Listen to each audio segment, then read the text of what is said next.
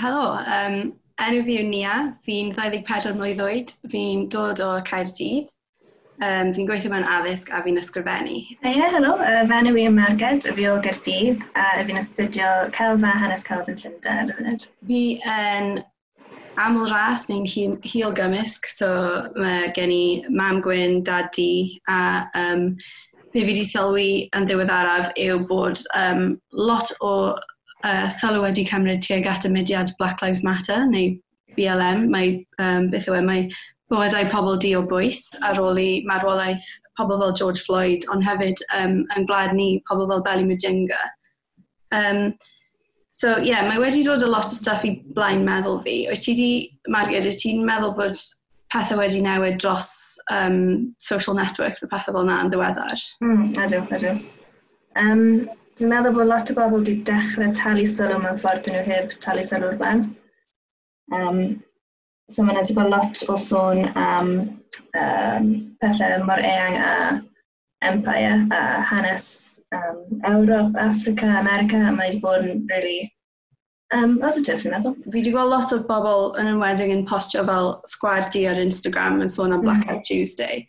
A fi hefyd mae wedi bod yn really nice yn gweld pobl yn postio fel um, here are petitions you can sign a pethau fel na, mm. fel here is how to have an, uncom an uncomfortable conversation. Fi wedi yeah. bod lot o hwnna, so mae hwnna'n really nice. Ond, um, yeah, mae di, fi'n meddwl mae di sort of gorfodi ni edrych ar hanes ni, really.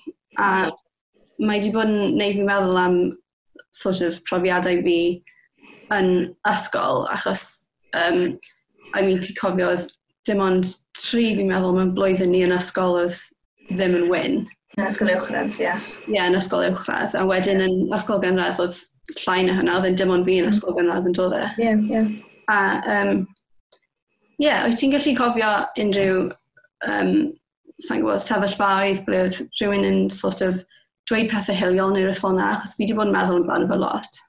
Wel, pethau bach, fi'n meddwl fel microaggressions bach. Um, pethau fel Uh, ni wedi teithio dyn gilydd lot o blaen, a um, y pobl yn eitha hapus i dderbyn bod fi o Gymru, ond bod nhw'n gofyn i ti, really, really? A ti ddol, iawn, So mae um, pethau bach fel as ni wedi sylwi. Ie, yeah, fi'n cael lot o hynna. A fi'n cael lot o... Um, os fi'n dweud i rhywun fi'n siarad Sbeineg, fi'n cael lot o, oh, achos ti'n Sbeineg. A wedyn, mm. well, na, fi'n dod o gael Gaerdydd. A background fi ddim o Sbaen o gwbl, really. Yeah. Um, Ond yn ysgol, fi'n cofio cael lot o... Um, Wel, fi'n cofio unwaith nes i glywed rhywun yn gweud i rhywun arall oedd yn ddi, um, go back where you came from. Uh, ond oedd hwnna'n yr unig pryd, I think, nes i glywed hynna. Um, ond, ie, yeah, oedd hwnna'n bach yn shocking. Ond fi, y thing o'n i'n sylwi um, y mwyaf oedd fel, oedd pobl ddim really'n gwybod sut i siarad amdano fi, achos fi'n mixed race. So fi'n edrych bach yn, bach yn mae fi a chwaer fi'n gweud ethnically ambiguous. Mm. So chi ddim really gwybod ble ni'n dod o, ond on, fi'n cofio cael lot o fel um, that tanned girl over there, neu like that girl with the olive skin. A like, mae ddim necessarily negative, ond mae definitely neu chi'n teimlo fel, oh, maen nhw ddim yn gwybod sut i siarad amdano fi'n hwnna'n meddwl bod fi ddim yn really rhan o pethau, bod fi ddim yn really rhan o'r gymuned kind of thing. A fi yn cofio bod pobl yn hoffi dyfalu. Fel, ti fan hyn, ti fan hyn, like, rhiant fel hyn, rhiant fel hyn, a just, um, so pigo ti i ddarna. E. Ie, yeah, try mewn game, o'n i'n cael lot o hynna. Ie, yeah, a oedd yn sort of teimlo fel, chi'n meddwl, un eich chi'n Gymraeg neu chi'n ddi, neu un eich chi'n Gymraeg neu chi'n fwslem neu beth hwnna. A o'n i'n methu really um, siarad i pobl amdano fe, sa'n meddwl. O'n i'n siarad i ti a ffrindiau eraill, ond i lot o bobl bys nhw'n gweud rhywbeth a wedyn cario ymlaen gyda diwrnod nhw a nhw ddim rili'n really sylweddoli bod nhw wedi gweud unrhyw beth oedd yn ei fi teimlo'n wael. A yn enwedig, o'n i'n methu rili really mynd i athrawon achos sa'n meddwl oedd gyda ni athrawon oedd ddim yn wyn o gwbl. Na, na. Na, ti ddim yn cofio nhw chwaith. Na. Ond I think gyda ni un yn ysgol gynradd a wedyn erbyn ysgol uwchradd oedd pob athro neu athrawes yn wyn. So, bys nhw falle'n sympathetic, ond bys nhw methu really deall. No. Yn Enwedig fi'n meddwl i fod mor ifanc, falle bys ti ddim efo'r hyder mae gen ti nawr i ddweud, actually, do hwnna ddim yn rhywbeth ddim fi'n gyfforddus efo. Fel um, cwbl o misoedd yn ôl yn job fi, o'n i'n gweithio mewn coffee shop, oedd supervisor arall yn siarad i fi, oedd yn gweud yr n-word lot o weithiau, just yn y conversation, a fi'n cofio bod fel ti'n methu rili'n really gweud hynna. So nes i um, trio siarad iddo fe, oedd e heb deall. So o'n i wedi textio manager ni a dweud be oedd wedi digwydd. A yr unig response hi really oedd, um, o, oh, dwi hwnna'n mynd neis iawn, just sort of siarad iddo fe. A ni fel, wel, fi barod wedi, oedd hi fel, oh, well, oedd e probably ddim yn deall e. A dyna gyd. A, yeah. and, like, oedd e'n just yn sefyllfa really horrible achos o'n i'n teimlo'n crazy am siarad amdano fe a o'n i heb cael unrhyw sort of reaction, ni heb cael dim closure, so ni, mae yn neud chi teimlo'n really sort of hopeless a bod chi'n methu really siarad yn pethau fel na. Na bod dim cymorth chwaith, bod neb sort of ar ochr chi. Ie, yeah, mae'n sort of teimlo fel bod dim fel cefnogaeth, dim support. Yeah. Ond fi'n cofio fel yn ysgol, o'n i'n siarad am, um, sa'n gwybod fel perthnasau a um, falle fel abuse, falle smygu, pethau fel na yn um, beth yw e, abiech, gwersi yeah, abiech, yeah. a oedd um, addysg bersonol ac cymdeithasol. Um, Oedd so ni'n siarad am fel peidio smygu, peidio dyddio cyffuriau, ond sa'n really cofio cael gwersi am hiliaeth o gwbl. Ne fi, na. I think, uh, na, ni heb really dysgu am hiliaeth. Tan i fi gyrraedd chweched a ti di mynd off i coleg, mm yn chweched, o'n i wedi dechrau dysgu yn, uh, yn y bac yn y fagloriaeth am um, hiliaeth a um, gwleidyddiaeth a pethau fel yna. Fi'n cofio dysgu am y BNP. Um, ond heblaw am hynna, sa'n really meddwl ni wedi dysgu unrhyw beth am hiliaeth. Mae hwnna'n weddol hwyr hefyd, mae hwnna ar ôl i sa'n gwybod, sel, mae lot o bobl wedi gadael efo'n trin ni, mae lot o bobl wedi um, specialise yn rhywbeth gwahanol, dwi ddim, dwi ddim teimlo fel oedd e'n rhywbeth, um, oedd e ddim yn priority. Yeah. Rhywbeth fel, you specialise in this.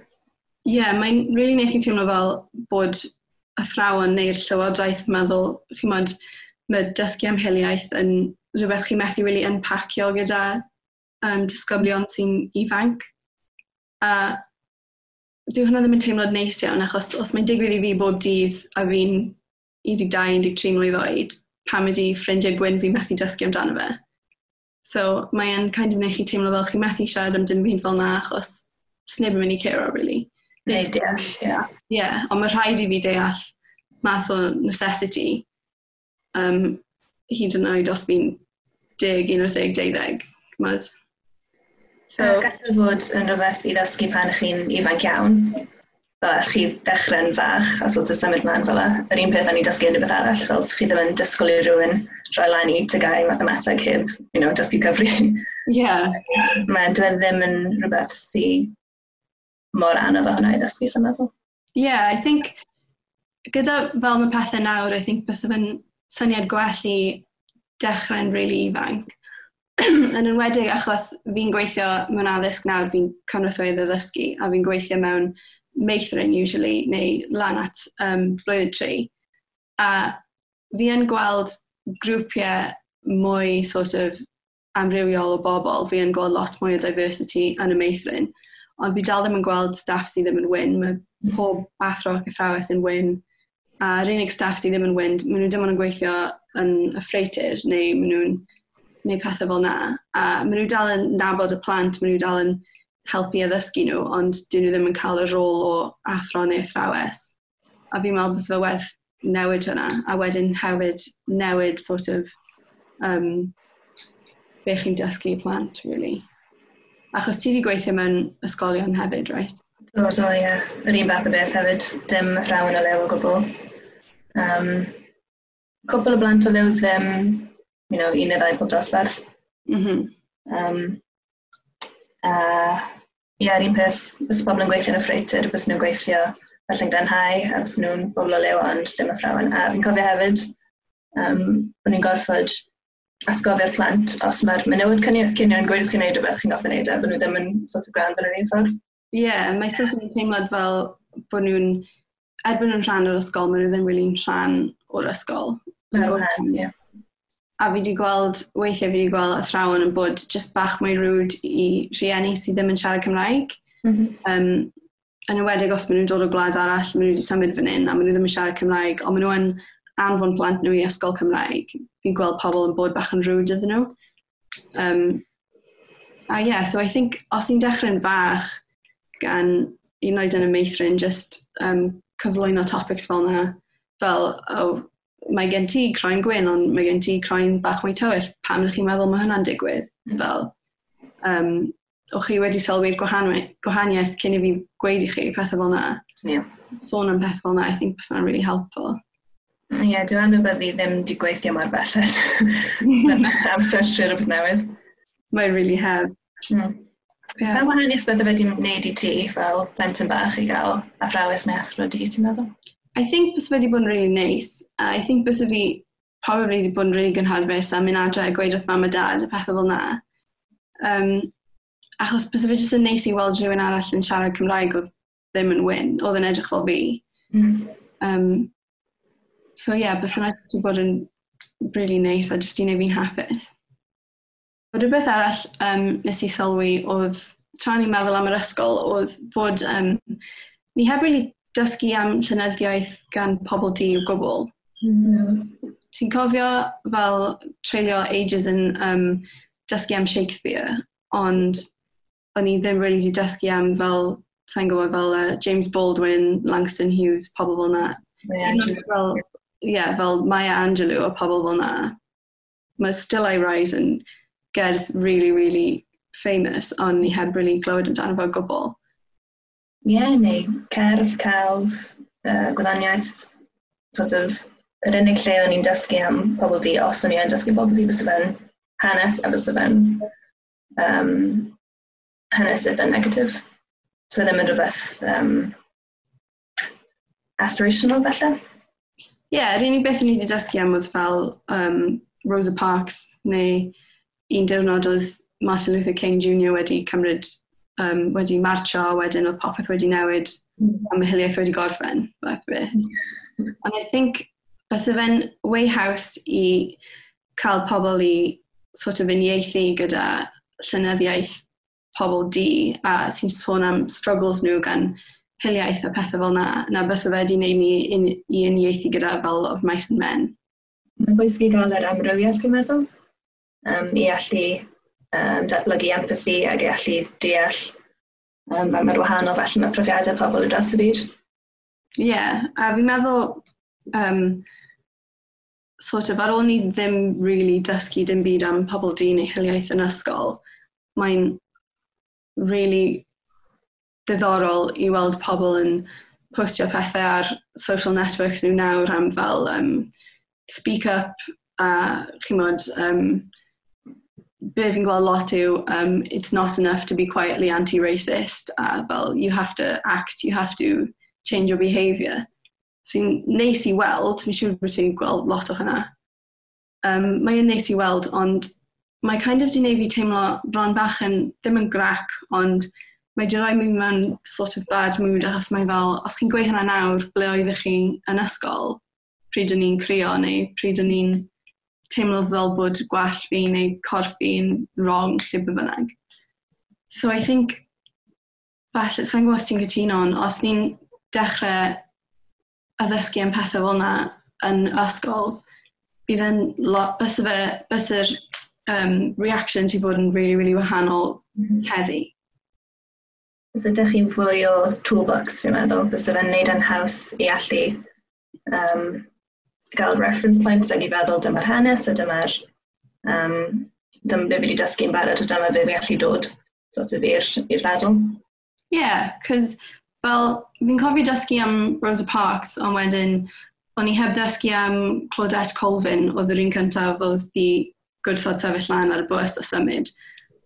Sa'n cofio dysgu am hi tan o'n i'n o leia 21.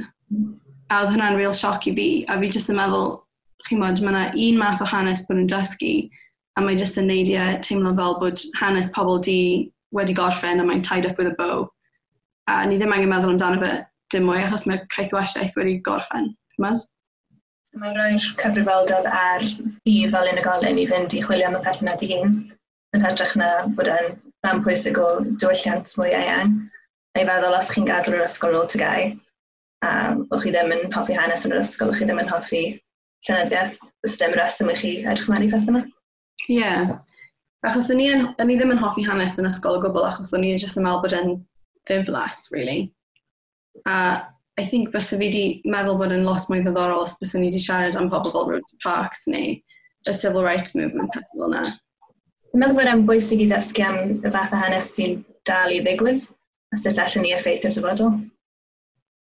Ie, yeah, fi'n meddwl bys fe'n rili really dda i athrawon nawr i sort of siarad am beth sydd wedi bod yn digwydd um, yn y dosbarth pan mae mm. ysgolion yn mynd nôl. Achos fi'n cofio cyn i'r ysgolion torri lan ar gyfer um, shielding, pethau fel yna, oedd, um, oedd yr athrawon o'n i'n gweithio gyda yn cael fel um, amser cilch yn y dosbarth a nhw'n siarad am yr coronavirus a nhw'n rhoi plant y siawns i fel gofyn cwestiynau ac i rhannu be oedd yn digwydd i nhw yn teulu nhw yn tŷ nhw a pethau fel yna a oedd e jyst yn rhoi siawns sort of bach mwy anffurfiol i siarad am beth oedd yn digwydd. I think bys hwnna'n tool really helpful i sôn am pethau fel George Floyd a'r protests yn America. Yeah, i sort of um, eddol i bobl o bod jyst yma i chi gael yr atebion i gyd, chi ddim yn goffi gwybod popeth. Mae'n iawn i ofyn cwestiynau. Um, mae'n iawn i fod yn anghywir ac i newid meddwl.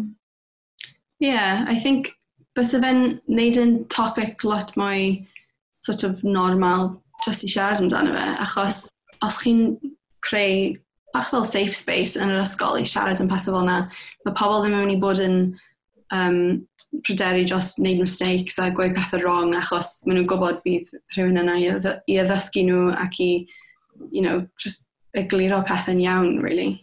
O'n i'n sôn gyda meddwl am Um, yr er egwydd mae dar ar pobl sef y peth gweithio fath rhywun arw chi o racist, a chi jyst yn blinkers yn ymlaen a chi ddim, like, dyna diwedd y you know, sgwrs. Ie. Yeah. Weid, oh well, mae all pawb gael, you know, ni gyd i tyfu lan yn y system heliol yma, so ni yn mynd i gael y biases yna. A'r peth pwysig yw i adnabod nhw pan maen nhw'n dod lan, a gwrando ar pobl sy'n dangos i chi'r peth yma. Mm. A dyn symud mewn. Ie, yeah, mae lot o fe yn teimlo fel um, mae rhywun yn gweud rhywbeth sy'n falle bach yn hiliol, a maen nhw ddim rili'n really sylweddoli. Fel, oedd hwnna'n digwydd yn ysgol, mae dan digwydd nawr. Fel, um, just fel esiampl, fel, I'm not racist, I have a black friend, neu beth fel na. Neu, I'm not racist because I want a mixed-race child. Mm. A fi wedi bod yn siarad am hynna ar Instagram. Fi'n meddwl ti wedi gweld bod pobl yn wastad yn gweud, os, um, os chi'n mixed race, chi'n beautiful, chi'n really exotic, a pethau fel na. A fi wedi cael lot o hynna gan ffrindiau o pobl yn gweud, o fi moyn mixed race babies achos maen nhw'n beautiful neu be bynnag. A mae jyst yn, I don't know, mae jyst yn teimlo'n really icky, really. Mae jyst yn really ach fi a mae jyst yn neu fi teimlo fel dol neu rhywbeth. Ti'n mad? Yeah, humanising. Yeah. Um, so mae lot o bobl yn gweud rhywbeth maen nhw'n meddwl sy'n harmless a wedyn mae fe really ddim. So, Mae'n yn gallu cael effaith mawr. Yeah, so I think mae werth just agor mlaen y discussion a uh, fel siarad yn pethau sy'n eich anghyfforddus ond ddim mewn ffordd sy'n judgmental. A wedyn y mwyn ni'n gallu siarad amdano fe, I think y mwy normal bydd e, bydd pobl yn dechrau meddwl am beth nhw'n gweud, really, cyn gweud e. Yeah, mae hwnna'n dechrau yn yr ysgol, sy'n ni'n meddwl? Yeah, yeah, definitely. So sut allan ni gadw hwn i fynd fel cadw momentum? Um, Sa'n siŵr, achos o be fi'n gweld, mae dal momentum, like, mae dal pobl yn siarad amdano fe, fi'n gweld pobl yn rhannu pethau bob dydd. Ond falle i bobl eraill, chi'n modd, oedd e'n un wythnos a nawr maen nhw'n symud ymlaen a nawr maen nhw'n meddwl am pethau arall, fel yr ysgolion yn ailagor a pethau fel yna. Um, so I think just cadw siarad amdano fe, os mae hwnna'n um, rhannu petitions neu siarad am rhoi arian i fel bail funds a pethau fel yna, neu elusennau. Um, fel oedd Leona Lewis wedi postio fideo ar Instagram cwbl o ddyddiau yn ôl fi'n meddwl yn sôn am be oedd wedi digwydd i hi fel person mixed race. So just, a oedd hi'n gweud bod hi wedi cadw'n silent really am ages, ond wedyn yn y diwedd oedd hi wedi cael y hyder i siarad amdano fe. So I think cadw siarad amdano fe, arwyddo petitions, pethau fel yna, a just ddim really gadael pobl anwybyddiau. o bod e hefyd yn sort of creu cymuned a cymorth i bobl fel yr enghraifft falle yr unig plentyn dyn y dosbarth. Mae gen nhw'r um, cysylltiad yma dros y byd a maen nhw'n gallu gweld, oce, okay, mae pawb yn talu sôn yn awr a gobeithio mae hwnna'n magu bach o hyder. Ie, yeah, fi wedi gweld hwnna gyda fel chwaed bach fi er enghraifft, sydd um, just, i, just i gadael ysgol blwyddyn yn ôl wel fi wedi dechrau off ddim rili'n really siarad amdano fe, ond nawr mae hi'n siarad mwy a mwy amdano fe. So, ie, yeah, mae'n really bwysig just sort of dod o fel an yn mwy aml mewn conversations chi a pethau fel na. A fi wedi gweld, sa'n gwybod os ti wedi gweld um, pobl ar Facebook yn sôn am y protest. Um, achos es i'r protest yn Caerdydd, a Um, o'n i'n teimlo'n dda am mynd, achos o'n i'n meddwl bod e'n really bwysig, ond wedyn ar ôl fi mynd adre, o'n i wedi gweld lot ar Facebook am um, pobl yn dweud fel, um, os chi wedi mynd i protestio, chi'n modd shame on you, chi'n rhoi risg ar NHS, chi'n rhoi risg o um, cael y Covid, pethau fel yna. Oedd hynna wedi dechrau teimlo, um, oedd hynna wedi gwneud fi teimlo'n eitha wael am fynd, ond fi dal yn meddwl bod e'n really bwysig, beth ti'n meddwl? Dwi'n meddwl fod hiliaeth yn effeithio niferoedd Covid yn dag yma. Mae, um, mae pobl di yn fwy, beth yw'r gair, likely, fwy. Ie, yeah, um, mwy debygol. Ie. Yeah.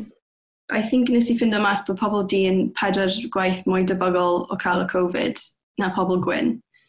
A fi hefyd wedi gweld fideo o um, doctor yn America yn dweud bod um, rhywbeth fel 50% o um, pobl yn meddwl bod pobl di ddim yn teimlo poen o gwbl. So chi'n bod, mae hiliaeth yn effeithio pethau fel y Covid a pethau fel um, just yr NHS. So, I don't know, i fi, I think mae jyst yn bwysig protestio er bod chi'n rhoi risg o casio'r Covid neu be bynnag. Um, mae jyst yn bwysig achos mae ddim really'n thema bod chi'n gallu sort of eistedd lawr a ddim gweud dim byd. Mae'n rhywbeth really, really topical a really, really bwysig. A gyda popeth sy'n mynd ymlaen, mae'n mwy bwysig i protestio, fi'n meddwl. Dyna sy'n mynd pethau newid. Mae just cwbl o thnosau o protestio yn America di newid gymaint. Mae di newid mwy na llofnodi neu pleidleisio. Mae angen i chi gael y balans rhwng y dau, dau beth, fi'n meddwl. Mae protestio'n mwy na just fel, oh, mae ddim yn digwydd fan hyn, mae ddim yn digwydd yn America, like, mae yn helpu. A hefyd mae jyst yn dangos cyd-ymdeimlad, really, yn dweud cefnogaeth. Yn dangos taw ddim brwydr pobl diol yn brwydr sort of pawb. Os chi'n berson, os gennych chi, you know, empathy, dyna chi'n deimlo bod yn problem chi hefyd. Ie, yeah, mae pethau fel na jyst yn really bwysig. I think, does dim byd yn really mynd i newid tan ni'n dechrau cael yr sgyrsiau really anghyfforddus yna a siarad i bobl sy'n yn erbyn y protest a bobl, well, actually, dyna pan fi'n meddwl bod protest yn bwysig. A falle, sa'n gwybod, os mae gyda chi rhywun, yn teulu sy'n hiliol, falle siarad, yn, siarad gyda nhw a dweud, ti'n bod, methu rili really gweud hwnna. Ddim bod, like, ti'n methu gweud hwnna dim mwy, mae mwy fel, ti'n methu gweud hwnna, like, ever. Yeah, dwi'n gallu gweud hynna. yeah, even os maen nhw'n meddwl bod e'n joc, um, gen i pobl yn y teulu sy'n um, gweud pethau hiliol a maen nhw'n chwerthin, maen nhw'n meddwl bod e'n joc, ond maen nhw ddim really sylwi bod fi yn yr ystafell a fi teimlo'n wael yn gwrando iddo fe. So I think mae'n really bwysig just um, cael y sgyrsiau yna, achos mae pobl yn mynd i anghofio amdano fe os ni ddim. So diolch am ymuno gyda fi, Margaret. Um, mae wedi bod yn really nice cael y chat yma. Fi'n meddwl mae wedi bod yn really ddiddorol, really sort of rhoi siawns i bobl i ddysgu ac i feddwl ac i myfyrio dros pethau, really. So mae wedi bod yn sgwrs really adeiladol. So diolch. Diolch, Nia. Felly, dyna fe. Um, diolch am rando a cofiwch chi dan ysgrifo am uh, ar y podcast yma. A cofiwch chi ddilyn Hanch ar Facebook, Instagram, Twitter a YouTube.